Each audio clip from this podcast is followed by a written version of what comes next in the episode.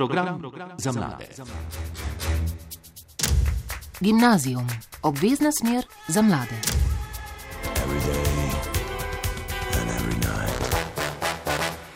Lepo zdrav vsem poslušalkam in poslušalcem prvega programa Radia Slovenija. Sredin večer je na našem programu rezerviran za mlade in oddajo gimnazijum.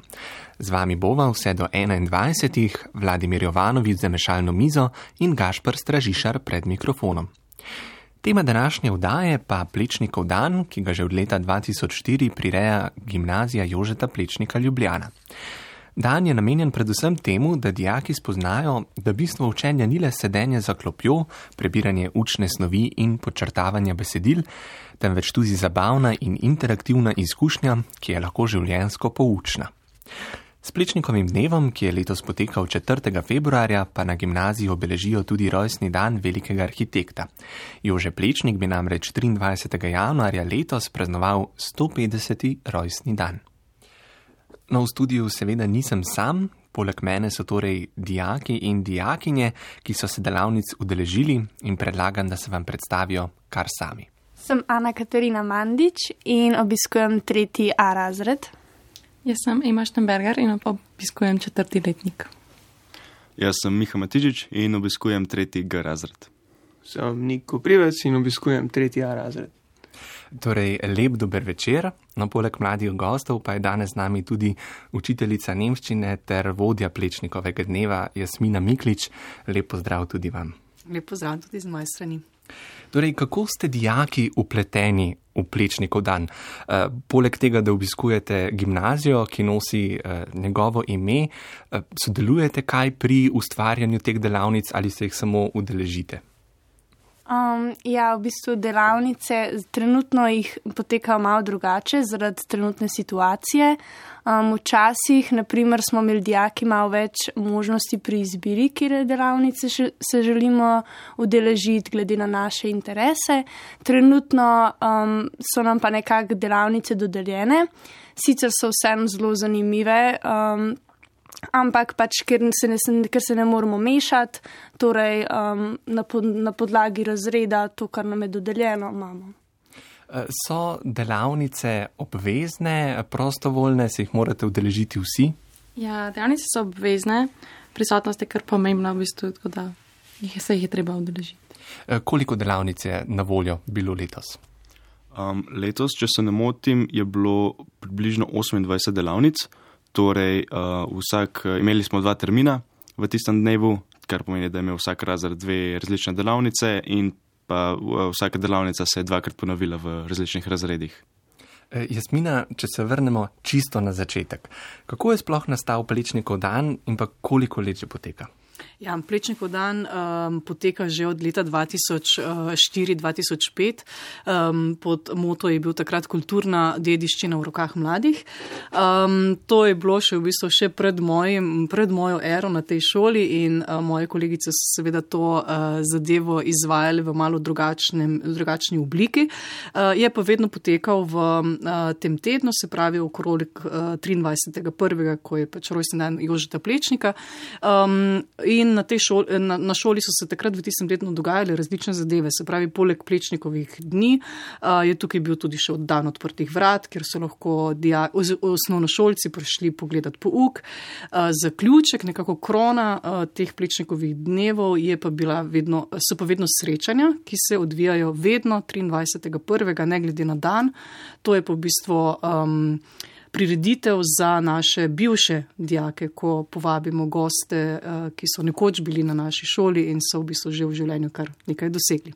E, kako pa je Plečnikov dan potekal lansko leto, ko je bilo večino časa eh, šolanje preseljeno v spletno okolje? Ste tudi izvedli te delavnice? Ja, lansko leto smo uh, čisto do konca imeli idejo, oziroma smo razmišljali v tej smeri, da bi izvedli, pa imeli smo tudi datum, uh, vendar so se te zadeve res, uh, kot veste, pač podaljševale ne, na 14 dni, pa smo bili doma, pa potem pridemo v šolo, pa smo potem spet ugotovili, da bomo doma, tako da smo se potem odločili, da ga lansko leto pač ne izvedemo, zaradi tega, ker. Um, ta eh, cilj ne bi bil dosežen, če bi to izvedli samo nadaljavo v obliki nekih predavanj, ker gre v bistvu res za neko interaktivnost, um, za praktične delavnice in um, smo nekako ocenili, da ne bi bilo smisla, da izvedemo samo zato, da bo, uh, pa v bistvu pač nekako um, se oddelimo od tega cilja, ki ga vsako leto zasledujemo. Eh, Ema, ti si že omenila, da so delavnice bile dodeljene. Um, koliko je bilo delavnic, morda veš, zagotovo jih je bilo več kot deset? Ja, bilo jih je približno 15 različnih, se mi zdi, malo manj. Uh, vsak razred ima v bistvu dve delavnici, eno do povdne, eno popovdan, oziroma po podnajšnjem času. Uh, začne se pravzaprav ob devetih in traja ena delavnica dve šolski uri. Uh, dodeljene so bile pa zaradi tega, ker se ne moramo mešati med razredi zaradi korone. In. Torej, uh, letniki se med seboj niso mešali, Ne. vseeno ste ostali svojim letnikom Tako. tekom cele delavnice. svojim razredom celo, celi dve uri. Um, Ana Katarina, katere delavnice si ti obiskala, katera ti je bila najljubša? Um, letos sem obiskala delavnico um, o arhitekturi, ki, jo je, ki nam jo je prišla uh, predstaviti iz uh, fakultete za arhitekturo. Um, in sicer meni je bila zelo všeč, čeprav se nisem neki zanimala za ta študij. Um, v bistvu mislim, da je tako izpadlo kot za neke, ki še ne vejo, kam bi šli, kot nek dodaten informativni dan. Um, za nas ostale, ki pa se mogoče v tem ne vidimo, smo pa se naučili veliko novega, recimo, um, predvsem smo se dotaknili Jožeta Plečnika in njegovih del. Um, in smo v bistvu tam, jaz sem se naučila res nekaj novega, nisem vedela, da je on tok. Um, mislim, koliko rabaš v bistvu misliti, da narediš neki, um, neki mislim, ka- karkoli v bistvu. Uh, Ima, katera delavnica je bila najljubša tebi? Ja, jaz sem bila tudi udeležena na arhitekturi, potem smo pa obravnavali zgodovinsko, družbeno-zgodovinsko um, odzadje uh, dveh romanov. In meni je bila ljubša ta druga, se pravi z romani, se mi je zdela bolj praktična. Uh, pa tebi, Miha? Uh, jaz sem se pa letos udeležil delavnice, um, kjer smo v bistvu povezovali frazeme v francoskem, nemškem in pa slovenskem jeziku skupaj. Um, zdelo se mi je zelo zabavno. Um, zanimivo je bilo, ker nas ima samo pet dijakov v razredu francoščino. Um, in potem nekateri smo nekaj razumeli, nekateri niso imeli niti približno pojma, um, in smo se tudi uh, malo nasmejali na ta račun, tako da ja, bilo je zelo prijetno. Pa ti, Nik? Jaz sem bil pa dodeljen novinarski ekipi, kjer smo raziskovali, kako dejansko učenci, dijaki in profesori uživajo v teh delavnicah in povezovanju med sabo. Poleg tega smo se naučili tudi slikati in izkusili smo tudi malo poklic novinarja. Uh, Jasmina, kaj je glavni cilj teh delavnic? Uh, kaj želite mladim poleg nekega znanja še prenesti? Ja, uh, vsak profesor je že dobil ali pa še bo v svoji karieri uh, vprašanje ali pa mogoče kar tak en učitek. Zakaj se moram jaz to učiti, ko mi pa to sploh ne bo nikoli uh, koristilo? Uh, jaz grem vendarle študirati, uh, bom si zdaj izmislila uh, matematiko, pa ne bom nikoli v življenju potreboval uh, nemščine, ne? bom vse naredil z angliščino, recimo. Um, in, in to bi lahko seveda potem zdaj uh, pač povedali še vsi drugi moji kolegi, ki so verjetno dobili podoben, eh, podobno vprašanje. In ravno na teh um, projektnih dnevih želimo pa ravno na to vprašanje odgovoriti. Se pravi, mi smo gimnazici, uh, ki dajemo, želimo, vsi gimnazici dobijo v gimnaziji eno splošno znanje. Mnogi ne vedo, kam, bo- kam jih bo pot zanesla, pa tudi tisti, ki vedo, kam jih bo pot zanesla, pa ne vejo, ka, ali bojo dejansko tam ostali ne, vse svoje življenje. Zato je v bistvu ta. Zato je to povezovanje toliko bolj pomembno. In se mi zdi pomembno, sploh za gimnazica, da um, ima to široko znanje, da je senzibiliziran za vse različne predmete uh, in da tudi, če se reci, recimo uči samo dveh tujih jezikov, da je pa vseeno senzibiliziran za nek jezik, ki se ga sploh ni učil. Na podlagi znanja, ki ga je pridobil, recimo konkretno Miha pri francoščini, pa bo mogoče špansko zato lažje nekako uh, razumel ali pa uh, se znajdel, ko bo prišel v to situacijo. In seveda pač tudi ostali.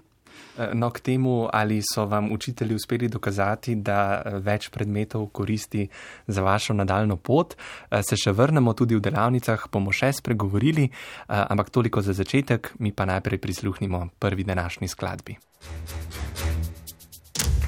Gimnazijum, obvezna smer za mlade.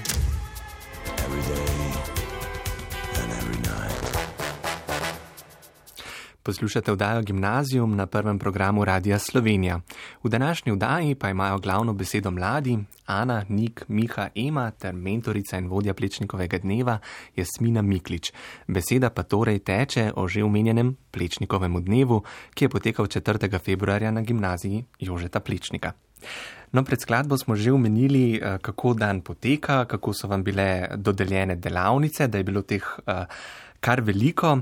Um, verjetno, tako kot je Jasmina že pred glasbo malo uh, omenila, vam vsa področja niso zanimiva. Torej, uh, morda komu matematika ne leži, pa bi se raje znebil, nekomu gre bolje zgodovina.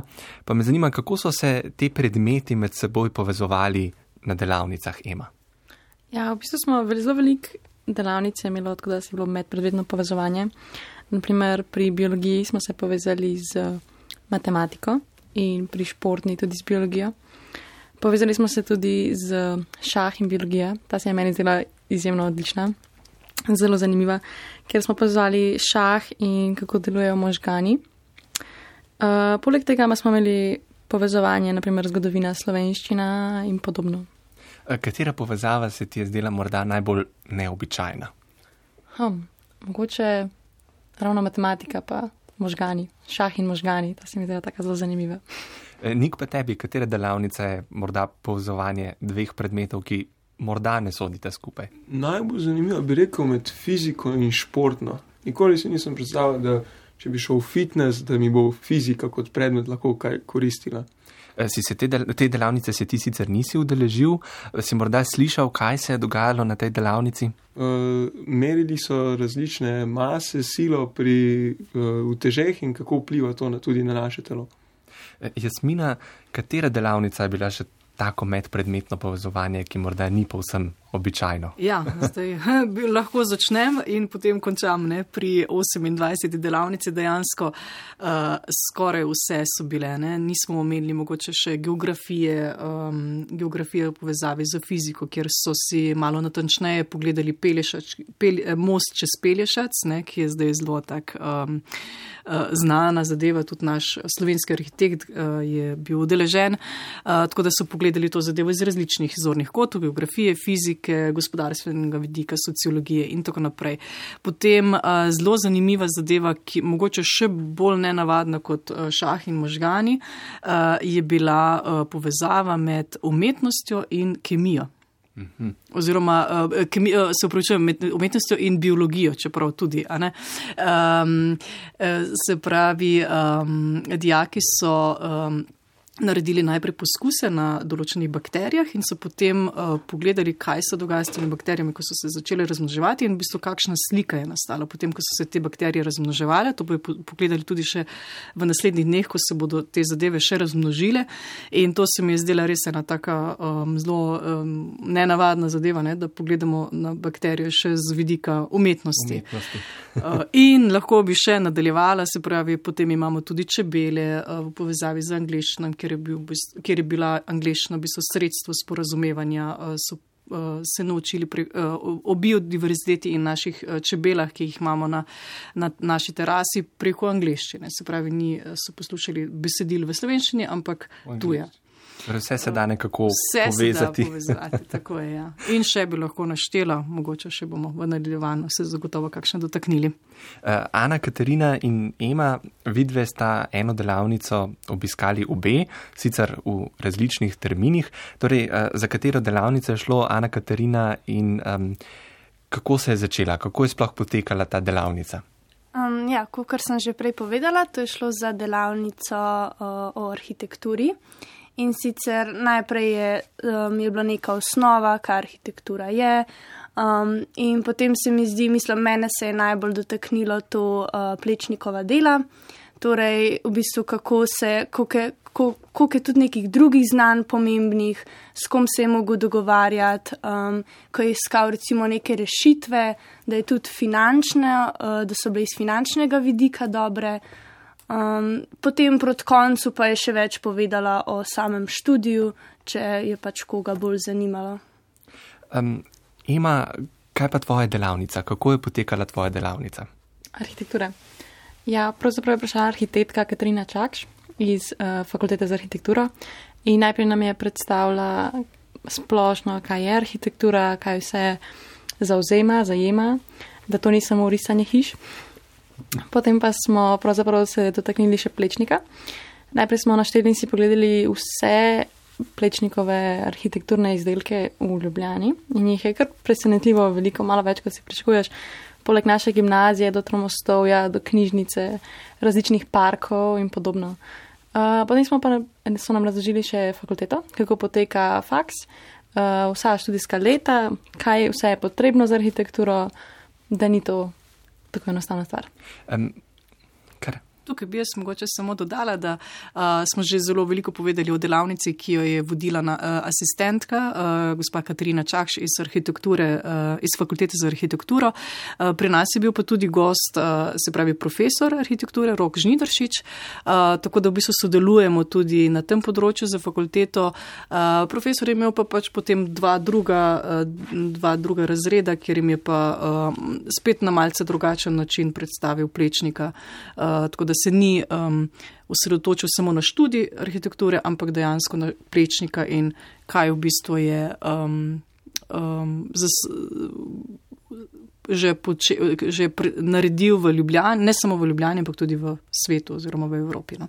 No, torej, plečnik eh, kot arhitekt je močno zaznamoval našo državo. Eh, seveda tudi Ljubljano in pa vašo šolo. Pa me zanima, Ana Katarina, si morda izvedela v plečniku kaj novega, kar prej še nisi vedela in morda gledaš na arhitekturo sedaj drugače, da ni to le risanje nekih stavb in skic. Um, ja, v bistvu mi je, najbolj mi je bilo fascinantno um, na podlagi recimo naše šole, kako je on sistematično postavil naše učilnice um, na stran, ki je manj hrupna. Um, v bistvu, kako rab arhitekt na full več stvari misli, tako ker v bistvu bi na prvo žogo rekel, da samo nariše neko zgradbo, da bo stala. Uh, zelo mi je bilo zanimivo tudi, kako je najdel rešitev za tromostavje, ki je bil sicer najprej samo en most in da ga ni šel širiti, se je v bistvu domislil teh dveh dodatnih mostov in je bilo to v bistvu tudi finančno um, boljša rešitev. Uh, Ema, si tudi ti prišla do kakšnih novih spoznanj, kar se tiče arhitekture, te je morda začela zanimati bolj študijsko? Ne, študijsko žal ne, ampak mi je bilo pa zelo zanimivo poslušati, kakšna od kjer vsa področja je treba pokriti, če si arhitekt, da ni to sama, ne samo postavitev, tudi uh, material in urbanistika in vse možno je fiziki, potem, ko se hiša postavi, kako je opremi, vse elektrika, vodovod, fascinantno. Je arhitektura neke vrste umetnost? Ja, jaz mislim, da je. Ne samo kot estetsko, v bistvu tako, ne samo zunanjost, tudi notranjost in vse, kaj se spomnijo, res zanimivo. Ana Katarina bi se s tem strinjala, je arhitektura lahko umetnost? Um, je, ja, ampak mi je bilo zanimivo, da je tam v bistvu povedala, da ni tako pomembno spet, da uh, rabiš zelo lepo risati, če, če se odločiš za ta študij, ker v bistvu temelji na skicah. Um, definitivno ja, je prednost, če, ti, če se spoznaš estetsko, imaš ta občutek, ampak ni pa to po mojem temelj na čemu. Torej, to delavnico sta obiskali obe. Katera je bila sledeča delavnica, ki si jo ti obiskala v drugem terminu? Um, v drugem terminu sem obiskala delavnico osnove športnega treniranja. Sicer šlo, šlo je za predmetno povezavo med uh, biologijo in športno. Um, ni bila to spet neka nenavadna povezava, um, ampak je bila predstavljena na zelo zanimiv način in smo se v bistvu naučili neke take stvari, ki res lahko pridejo v vsakdanjem kjerkoli ti pridejo prav. Mislim, vsak rab to vedeti. Kaj recimo ste se naučili? Um, recimo, če se kdo začne uh, učiti, um, mislim, kdo začne obiskovati fitness, da ve, kako, kako s prehrano. Um, tako, take splošne zadeve. Torej, zelo uporabne za življenje v resnici. Ja. Ima, ti pa si potem obiskala bolj literarno obarvano delavnico, kjer ste raziskovali to družbeno-zgodovinsko vzadje dveh romanov. Za katere romane je šlo? Pravzaprav to sta maturitetna romana, Čudežni Felix od avtorja Andrej Hing ter Veliki Gatsby, ki ga je napisal ameriški pisatelj Francis Scott Fitzgerald. V bistvu smo s profesorico zgodovine in profesorico slovenščine obravnavali prvo kot prvo družbeno zgodovinsko obdobje in tudi romane, osebe in podobno.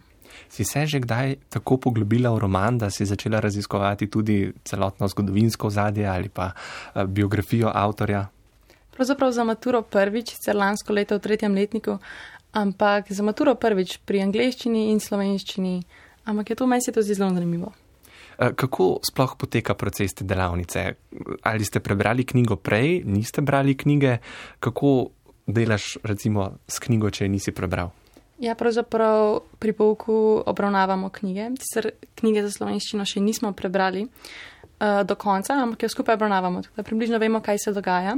Nekaj splošnega smo na začetku povedali, kako je kaj v romanu, kje se dogaja, kdaj se dogaja, kakšna je bila takrat družba.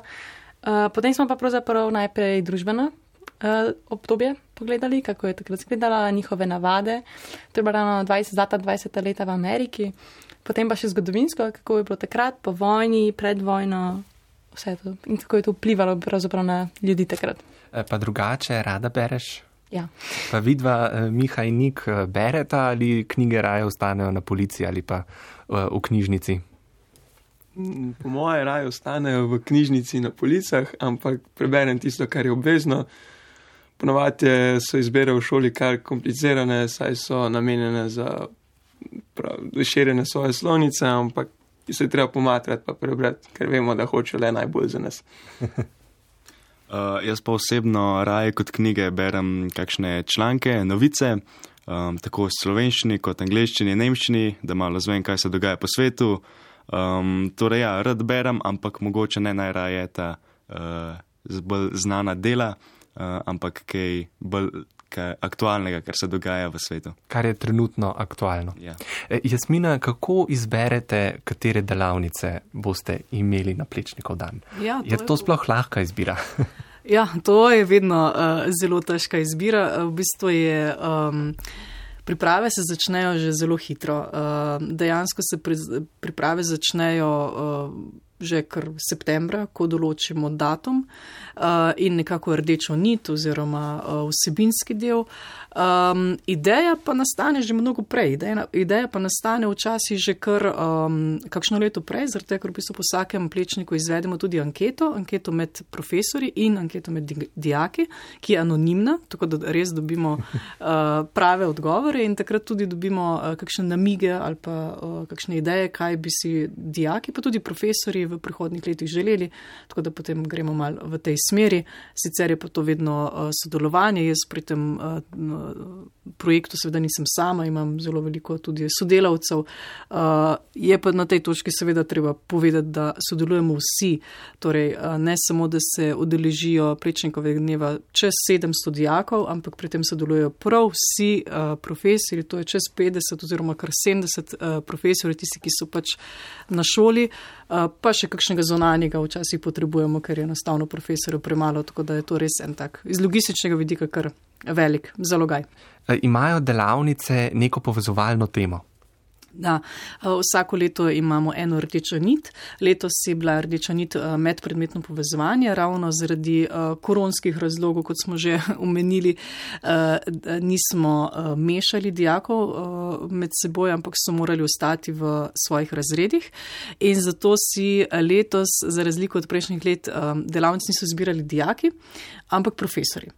Um, kot sem že omenila, medpredmetno učenje, pomeni, medpredmetno uh, poučevanje pomeni, da sta uh, dva profesorja, ki sta uh, v bistvu pač po lastni izbiri, sta si izbrala nekako svojega partnerja, če tako, reko, uh, tako lahko rečem, um, sta se dogovorila, kaj bi uh, približno, kaj bi želela. Uh, povedati, oziroma v, kakšni, v kateri smeri bi želela iti. Potem sem si pa izbrala uh, razrede, ponavadi pač tiste razrede, ki jih učijo, ne pa nujno. Um, v kombinaciji je bilo ponavadi tako, da je e, eden profesor učil ta razred, to drugi pa potem verjetno ne, ali pa vsaj v drugem terminu. Torej, poleg povezovanja predmetov, še povezovanje učiteljev. Ja, in to je tudi en tak uh, pomemben vidik, ki ga mogoče pa dijaki ne vidijo.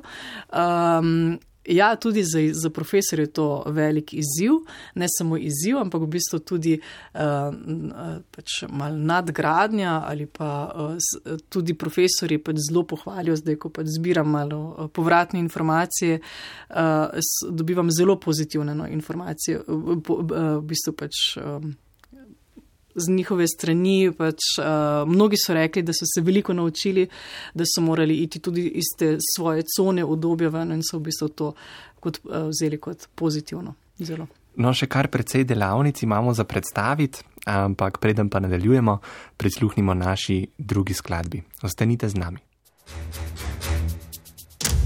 Gimnazijum, obvezna smer za mlade.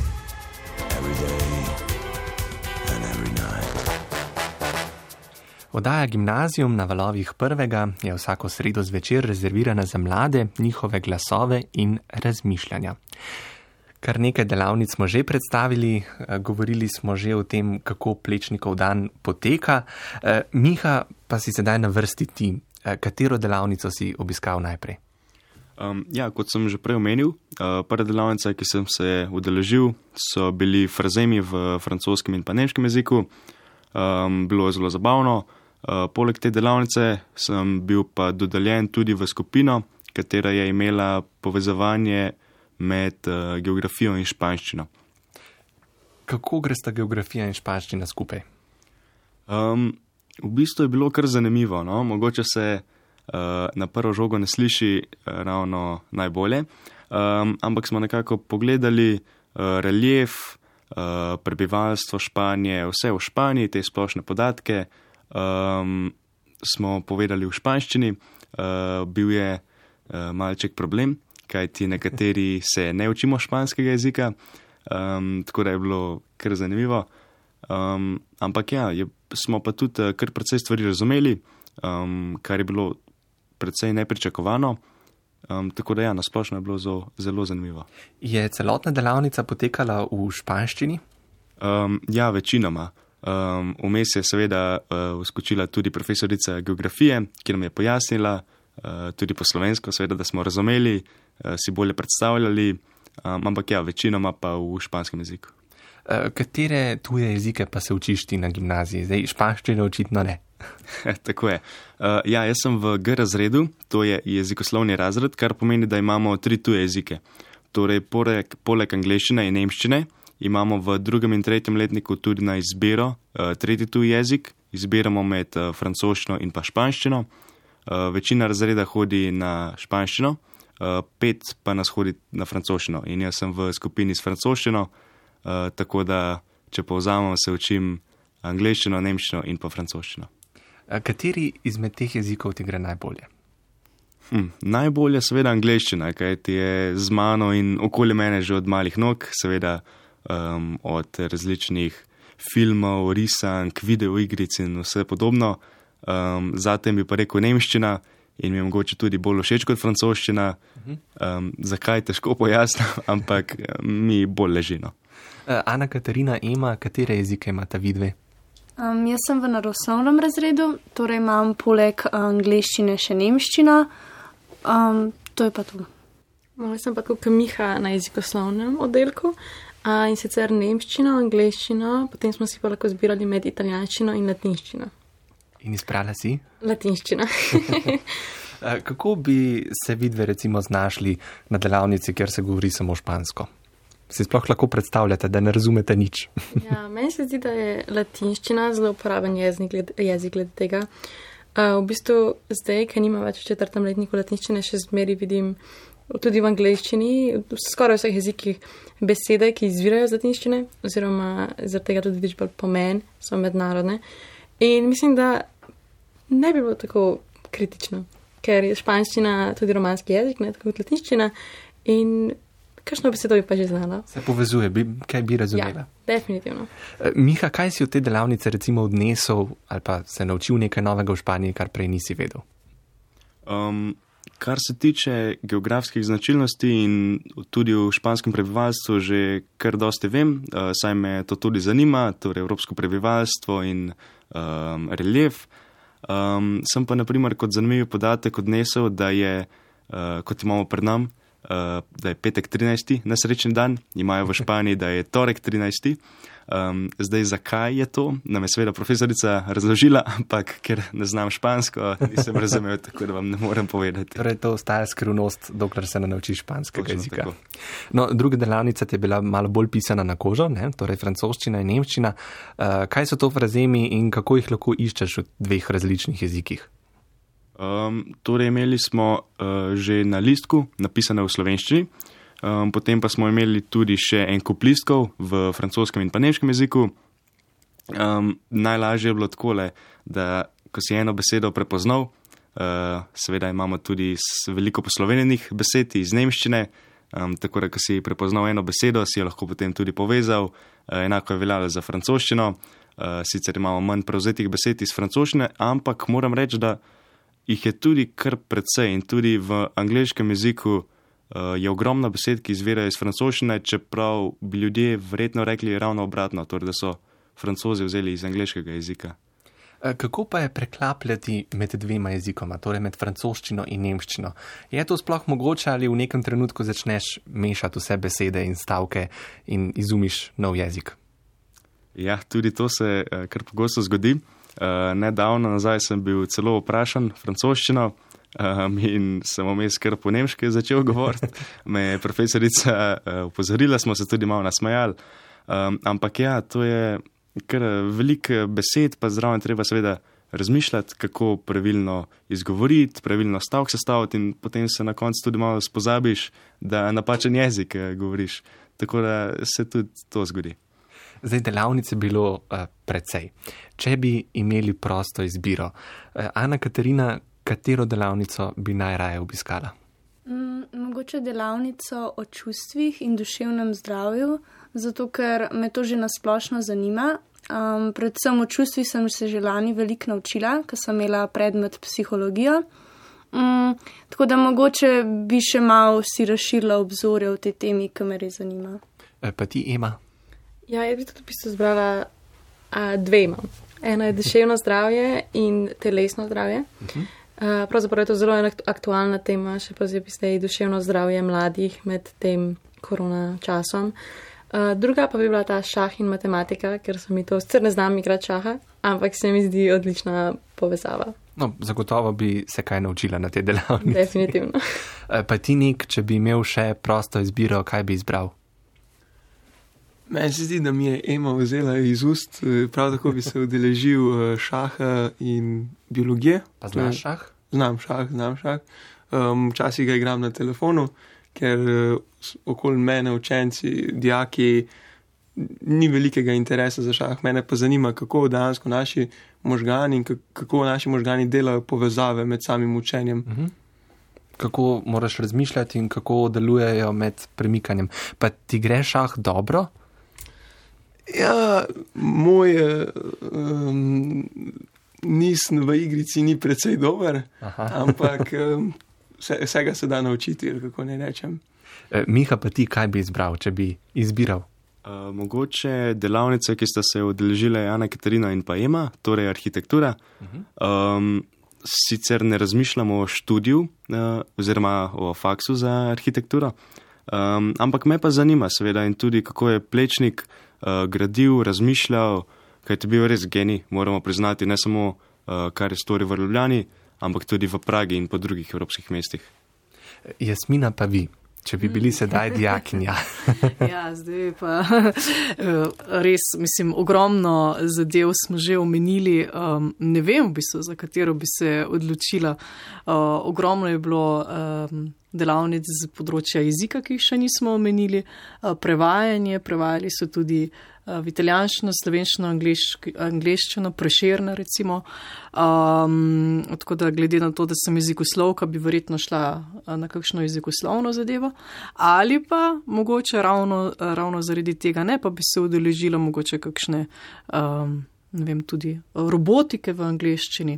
Uh, ena izmed delavnic je, bila tudi, je bilo tudi sodelovanje z um, inštitutom Jožef uh, Štefan, kjer je uh, zunani um, sodelavec prišel predstaviti humanoidnega robota. Uh, tako da to je bila ena tudi taka zelo zanimiva delavnica za dijake, ko, kjer so v bistvu lahko v angleščini postavili vprašanja tem. Uh, tem robotku. Delavnice so pripravljene za dijake. Pa ste kdaj razmišljali, da bi jih odprli tudi za eh, zunanje dijake? Ja, mogoče, mogoče, da ste mi dali idejo, mogoče za prihodne leta. Eh, zdaj smo res bili eh, precej omejeni, pa tudi sicer ne smo kot šola precej omejeni tudi z prostorsko stisko, zato ker je pač le čez 700 dijakov. Zato izvajamo tudi določene delavnice zunaj, tudi v Tivoliju, kjer sicer izvajamo športno, tako da tudi v Tivoliju so bile tudi letos delavnice. Mogoče bo Nik lahko kaj več povedal, ker je bil novinar na terenu. Druga delavnica, ki se je izvajala na terenu, je bila pa tudi plečnik v Tivoli, kjer so dijaki v bistvu spoznali Ljubljano ali pa Tivoli v bistvu zgodovinskega vidika. Torej, povezava niste, športne in zgodovine. Niste se zadrževali samo v prostorih? Ne gimnazije. samo, to pravi ne vsi dijaki. Ja. Eh, Nik, ti si bil torej na novinarski delavnici eh, oziroma si deloval kot novinar. Kaj se ti zdi, od, iz katere delavnice so dijaki prišli tako navdušeni, eh, katera se ti je tako vtisnila v spomin? Najbolj se mi je vtisnila v spomin mogoče povezava med športno in psihologijo. Bile so, bile so osnove improvizacije, kjer so se lahko kot razred povezali. Začeli so z kontaktno improvizacijo, torej da so sledili drug drugemu in se pač povezali tudi na globem nivoju, ne samo na besedah. Zaključili so pa tudi samim sproščanjem, meditiranjem in ugotovili, kako se koncentrirati tudi med samim učenjem in uh, usmerjati svoje misli. Se ti zdi tako medpredmetno povezovanje predmetov koristno? Je to nekaj, kar bi morda prišlo prav tudi pri stalnem pouku? Da bi kdaj združili dva predmeta v enega? Moje mnenje je, da zelo, ker bi poiskali predmeti drugačne načine učenja stvari, ne samo razlaganje snovi, ampak tudi, kot smo menili, čez šport, mogoče čez kakšen prikaz, po kakšnem videu. In bi se lahko učenci veliko bolj iz tega naučili, ker, bodimo iskreni, poslušanje, počrtavanje je zelo monot monotona stvar in ti po treh urah, štirih urah postane zelo dolg čas v razredu. Eh, kakšne ure so tebi všeč pri pouku? Morajo biti eh, interaktivne ali raje samo poslušaš, si zapisuješ? Raje imam interaktivne, zato tega, ker lahko moji možgani lažje povežejo teorijo na, s praktičnimi primeri in se tako lažje spomnim. Naprimer na testu pri fiziki nam veliko krat eh, pokaže na določenih napravah. Zdaj obravnavamo elektriko in različne ampermetre, večje, male, kako magnet vpliva tudi na elektromotorje in nam pokaže to si jaz nekako zapomnim in lahko povežem to na testu, rečem, aha, tole je pa ta elektromotorček, pa mi je zelo lažje. No. Miha, katera predmeta bi ti povezal v šoli, če bi imel to moč? Mm, definitivno bi me zanimala povezava med geografijo in zgodovino. Um, kaj se mi zdi, kako se je uh, skozi zgodovino uh, spreminjalo, oziroma spreminjale oblike tedanjih držav, uh, in pa njihovo prebivalstvo, uh, kam so se preseljevali. Um, in tako naprej. No, to se mi zdi, da je bilo zelo zanimivo, pa ne samo za me, mogoče še za koga. Um, tako da, mogoče, če bojo slišali profesori to, um, da bojo tudi kaj probali skupaj sestaviti. Ana Katarina, enako vprašanje, če bi ti lahko združila dva predmeta, kaj bi združila skupaj? Ja, jaz bi združila te dva, ki me sicer najbolj zanimata in sicer biologijo pa uh, psihologijo.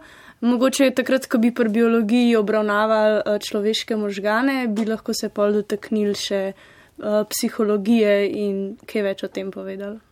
Uh, pa ti ima. Ja, meni je to zelo všeč biologija, imam tudi na maturi, zato bi se odločila za povezavo med biologijo in angliščino, ker je biologija taka stvar, še posebej človek, ki jo veliko uporabljaš v življenju in je znanje zelo praktično. In tudi v angleščini, če si v tujini, se mi zdi to odlično znanje. Torej, kar precej delavnic smo že omenili, pa je sedaj na vrsti tvoje delovnik. Ti si upravljal eh, delo novinarja. Um, kaj vse ste počeli? Obiskovali delavnice, fotografirali, zastavljali kakšno vprašanje? Tako je, bili smo neka ekipa novinarjev, tokrat mešani, smo bili iz različnih letnikov um, in smo se vsake dobil nek rajon, če se lahko tako izrazim. Jaz sem, dobil, sem bil novinar na terenu, udeležil sem se delavnic, ki so bile v Tivoliju, torej predvsem v povezavi s športom. Naše zadolžitve so pa bile poslikati, slediti tem delavnicam in potem še izprašati dijake, kakšna je njihova izkušnja o teh povezavah in tudi profesore, kakšna pričakovanja so imeli in če smo ta pričakovanja izpolnili. Na to pa smo tudi te slike in intervjuje spravili v računalnik in ustvarili spletno stran, ki je tudi na naši šolski spletni strani in je poseben plečnikova stran z vsemi delavnicami, z vsemi slikami, kaj vse mi počnemo na naši šoli, da nismo samo za klopemi, ampak posod druge. E, torej, je bil tudi e, materialni produkt te delavnice, torej spletna stran, pripravili ste pa tudi zbornik. E, Tako. Ste tu imeli novinari prste vmes ali je bila to druga delavnica? To je bila predvsem druga delavnica, mi smo zagotovili samo gradivo, ostali pa so to sestavili. Zdaj, vsi ste se udeležili teh delavnic že v preteklih šolskih letih. Um, Ana Katarina, kaj si si zapomnila od takrat? Um, ja, v prejšnjih letih je to definitivno čist drugače potekalo, kot še pred korono. In sicer dobili smo seznam um, delavnic in je bilo v bistvu neko omejeno um, število mest um, na katero pač so, so se lahko dijaki iz enega razreda upisali. Iz enega razreda so šla ponavadi lahko na neko delavnico eden ali pa dva dijaka. In glih s tem smo v bistvu lahko zagotovili to mešanje, da so res dobili vsi razredi na šoli priložnost, v bistvu vsak dijak iz enega razreda, da si je zbral neko delavnico na podlagi njegovega interesa, dejansko kaj ga zanima.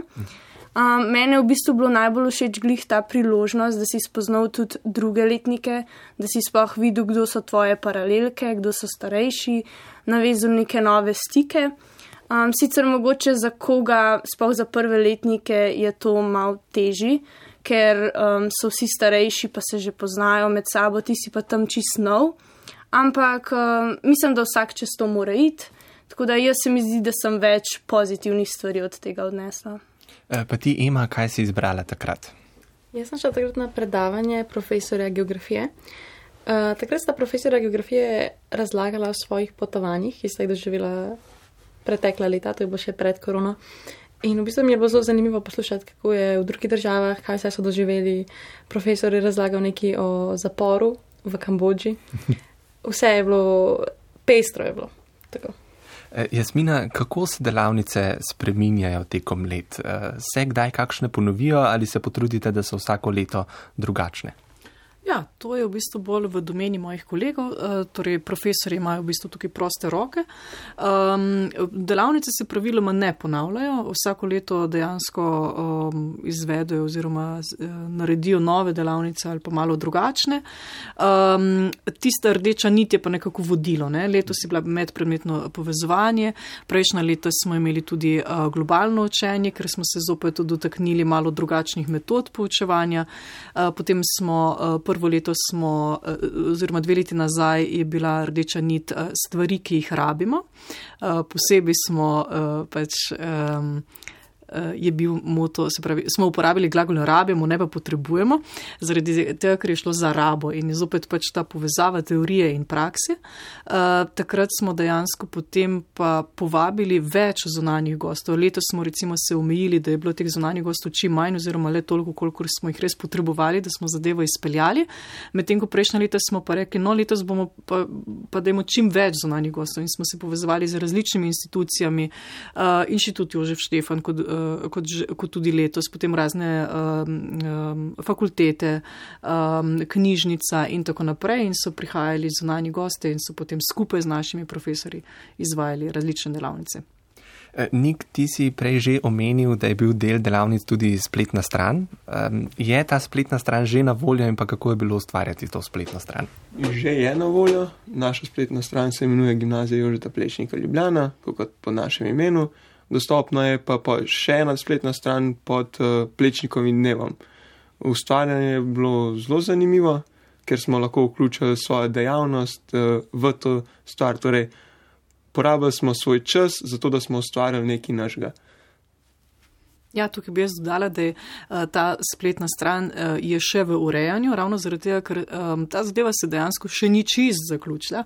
Um, določeni uh, izdelki še vedno nastajajo. Uh, tukaj moram samo še um, dodati, uh, ker smo omenjali zbornik o plečniku, to je bila posebna delavnica, ki so jo izvajali naši kolegici, uh, spravi slovenistki, uh, hkrati po, potem v povezavi z sociologijo, pedagogiko, IKT in tako naprej. Uh, in uh, v tej delavnici je nastal zbornik oplečnjev, kjer so uh, navedeni, oziroma kjer, je, uh, kjer so dijaki tudi napisali uh, pesmi, uh, raziskali, vsi ogledali film in potem pač napisali različne um, članke. Uh, to je v bistvu en tak um, um, gradivo oziroma nek izdelek, ki je nastal, uh, spletno stran smo že omenili, um, nastajajo zdaj še vedno plakati, uh, ki bodo v bistvu iz, uh, se še nekako izkristalizirali zdaj v teh dneh, tako da se še vedno dogaja. Plečnikov dan še poteka. Še poteka.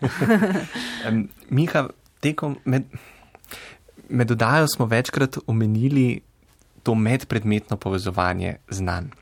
Pa me zanima, je uspelo učiteljem na letošnjem plečnikovem dnevu ovreči to misel, da nekaterih znanj ne potrebujete? Um, definitivno. Um, delavnice so bile pripravljene na zelo zanimiv način. Um, vso predznanje, ki smo ga že uh, prej imeli, mogoče iz teh predmetov, uh, pri katerih smo tudi uh, sodelovali v delavnicah, mogoče tudi iz uh, nekaterih drugih predmetov, smo uporabili. Um, in ja, uh, zna, nobeno znanje ni odveč, um, to lahko rečem, uh, čeprav se nam zdi še tako dolgočasno ali pa naporno za učiti, ampak vse nekaj pre, uh, prav pride, no? če ne prej pa na plečnikovem dnevu. Uh, Ema, kaj se ti zdi je tisto najpomembnejše, kar odneseš od dneva teh delavnic? Meni se zdi odlično, da je bilo letos, vsaj za naš razred, bilo tako organizirano, ne vem za druge letnike, ampak da smo obravnavali nekaj, kar nam bo prišlo prav na maturi. Spravi ta dva romana, to se mi je zdelo odlično, ker plus arhitekturna delavnica nam je v bistvu pokazala poklic arhitekture. In mogoče, če kdo ni vedel, kaj želi študirati, kaj želi naprej, si je lahko zdaj spoznal s poklicom in mogoče si to premislil. Torej, znanje recimo pri romanih, ki si jih obdelovala, ti bo prišlo še kako prav. Ja, definitivno na maturi. Zdi se mi, da s tem, ker smo spoznali družbeno-zgodovinsko ozadje, smo pravzaprav lažje razumeš roman. Raz razumeš, kako so se počutili osebe, tudi avtori, ki prihajajo, iz kje izhajajo, in nasploh bolj dojameš, živiš se lahko v roman. Uh, Ana Katarina, eh, pa kaj se tebi zdi, so uspeli učitelji odvreči to vprašanje oziroma mnenje, da določenih predmetov ne potrebujete? Mm, mislim, da ne. Mislim, jaz sem ugotovila, da v vsaki situaciji, ki se znajdeš v življenju in če imaš neko znanje odprej, mislim, se zelo boljš počutiš in res vidiš, bilo je vredno neki. Um, to pridobiti v šoli, mogoče se ti je takrat res del nepomembno, um, da zapravljaš čas s tem, ampak le, ki ti pa pride prav, je pa super. Torej, je vredno uložiti delo in trud. Ja, definitivno. Uh, Nik, kaj pa se, zakaj se pa tebi zdi, je plečnikov dan pomemben? Kaj vse si ti lahko odnesel od delavnic? Ti si načeloma videl skoraj vse delavnice. Uh, no, v preteklosti Torej, dve leti nazaj je bilo predvsem pomembno, da smo se povezali z drugimi dijaki, spoznali više letnike, mogoče če nam kakšen test zdaj manjka, da si ga sposodimo, se naučimo. Sedaj pa spoznavanje predmeta, kako nam lahko koristi v življenju. Torej, da ne hodimo mi samo v šolo, zato da se učimo za tisti trenutek, za tisti čas, da dobimo oceno in zaključimo, ampak da se naučimo in izkusimo nekaj do konca našega življenja. Prav nam bo prišlo čez celo življenje. Eh, Miha Plečnikov dan bo potekal tudi prihodnje leto. Kaj bi ti svetoval dijakom, kako naj izberejo delavnice? Um, zdaj upam, da bo naslednje leto, kar se tiče korone, vse uh, normalno, kot je bilo dve leti nazaj. Torej, da bodo dijaki spet dobili na listu uh, napisane uh, delavnice in pa predstavljene na kratko, kaj se bo dogajalo. Potem pa, ko bojo izbirali, pardon, uh, priporočam, da izberejo tisto, ki se jim zdi najbolj čudna. Bolj kot je nenavadna povezava, bolj se mi zdi, da bodo nekaj novega odnesli od tam, nekaj novega zvedeli, se naučili, zabavali in to je moj nasvet. Pa ostali se verjetno s tem strinjate. Najbolj čudna delavnica, največ znanja. Jasmina, kako ste vi zadovoljni s tem plečnikovim dnevom letos in sklepam, da to še zdaleč ni zadnji? Tako je. Uh, jaz uh, sem zelo zadovoljna. Vsako leto uh, je v bistvu pač ta strah prisoten na začetku, zaradi tega, ker je res pač uh, velik, uh, zalogajno. Uh, vse more klapati. Uh, če se nekje podre, se v bistvu tako kot en stebr, ne, se potem vse skupaj podre in moraš potem iskati druge zadeve, ampak potem na koncu vedno ugotovimo, da nam uspe. In zato so v bistvu ključni ne samo dijaki v prvi vrsti, ampak tudi vsi moji kolegi um, ker dejansko so oni tisti, ki pripravljajo te delavnice. In tako kot ste sami že rekli, to ni zadnji, tako kot ni prvi, uh, tudi ni zadnji. Kakšne delavnice bomo drugo leto izvedli, še ne vemo točno, zagotovo bojo v tej obliki. Jaz tudi upam, da, bomo, da bomo končno lahko izbirali, da bo pač ta izbirnost spet omogočena. Um, rdeča nit pa ne vem. Mogoče ste mi zdaj le dali kakšno idejo. torej, spletna stran bo kmalo končana, kako Tako je, je že dostopna, pa se bo v bistvu še um, izpopolnjevala in uh, nastajajo pač, uh, dodala bom še, da v bistvu plečnik, tako kot sem prej rekla, se ni končal, pa tudi začel se ni z, uh, pač, čed, v petek, uh, kajti um, nastajali so tudi, nastajala so tudi posebna stebrišča, uh, ki so jih izvajali pri likovni, uh, likovnem pouku, že v bistvu prej, že kak, kak mesec prej. Uh, no in te slike bodo potem tudi vidne, oziroma ta mini razstava bo nekako tudi predstavljena na naši spletni strani. Torej, poslušalci lahko preko spletne strani odkrijejo čisto vse delavnice. Dejansko tako, ja, utrinke. Nam je zmanjkalo časa za vse. Ja. Eh, kaj pa zbornik bo dosegljiv? Zbornik je že dosegljiv, to je pa že končana zadeva in je že uh, objavljeno na naši spletni strani in uh, si jo lahko vsak prebere. Zdaj, če bi jutri potekal še en plečnikov dan, bi se ga z veseljem udeležila še enkrat, Ema? Definitivno. Uh, vse, kar je več kot pa samo teorija pri poku, mi je se mi zdi odlično in odlično spoznavanje novih snovi. Uh, pa vidva Mihaj Nik. Uh, ja, jaz bi se seveda tudi z veseljem še enkrat udeležil plečnikovega dneva. Um, predvsem iz razloga, da lahko dlje spimo in pa tudi prej smo doma, uh, ter pa seveda tudi, da se uh, družimo z sovrstniki in tudi iz drugih letnikov. Um, tako da ja, z veseljem bi se ponovno deležil. In da se šola za en dan majčkano spremeni v nekaj drugega. Dragi gostje, najlepša hvala, da ste se mi pridružili v Daji in predstavili Plečnikov dan ter vašo gimnazijo. Želim vam lep preostanek večera in pa, da se prihodnje leto udeležite še kakšnih zanimivih delavnic. Z nami so bili Ana Katarina Mandič, Nik Koprivec, Miha Matičič, Ema Štemberger ter mentorica in vodja plečnikovega dneva Jasmina Miklič. Poslušalci prvega programa Radia Slovenija že lahko prisluhnete oddaji v arhivu RTV4D in na naši spletni strani trikratvojnive.radio1.rtvslo.si, kjer poiščete oddajo Gimnazijum. Za glasbo je danes poskrbel Andrej Prezel, da se slišimo je skrbel Vladimir Jovanovič, pred mikrofonom pa sem bil Gašpar Stražišar. Najlepša hvala za pozornost in prijeten večer v družbi prvega še naprej. Gimnazijum, obvezna smer za mlade. Every day.